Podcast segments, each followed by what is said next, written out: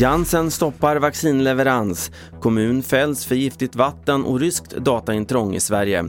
Ja, det här är TV4-nyheterna som börjar med att Johnson Johnson som tillverkar Janssens vaccin mot covid-19 pausar sina leveranser till Europa som väntades nu till helgen.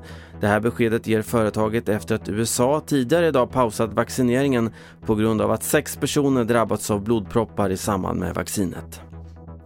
Ronneby kommun fälls för de höga halterna av den giftiga kemikalien PFAS i det kommunala dricksvattnet. Därefter att boende i Kallingen 2016 stämt det kommunala vattenbolaget. PFAS stöter ifrån sig fett och smuts och det används i bland annat brandsläckare och på kläder.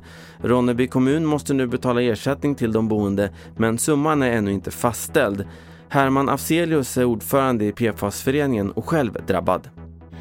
Det är en otrolig lättnad såklart. Liksom. Det här är ju en, en rättvisans dag när nu äntligen tingsrätten har fastställt att det föreligger ett skadeståndsansvar för, för den part som har levererat en produkt som inte har hållit måttet, alltså det giftiga vattnet. Så det är så otroligt skönt att, eh, att få den upprättelsen.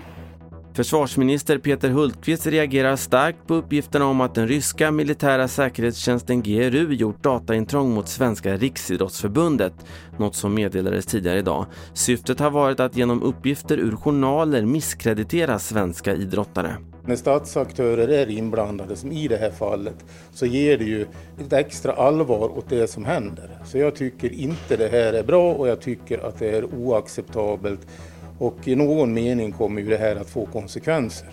Och till sist kan vi berätta att den franska småstaden Bitch är tillbaka på Facebook igen. Sidan för stan med 5000 invånare stängdes eftersom ortnamnet bröt mot plattformens villkor. Det här på grund av det engelska nedsättande ordet som låter och stavas nästan likadant. Facebook har erkänt sitt misstag och borgmästaren har bjudit in dess VD Mark Zuckerberg till staden. Det här var senaste nytt från TV4 Nyheterna. Jag heter Carl-Oskar Alsen.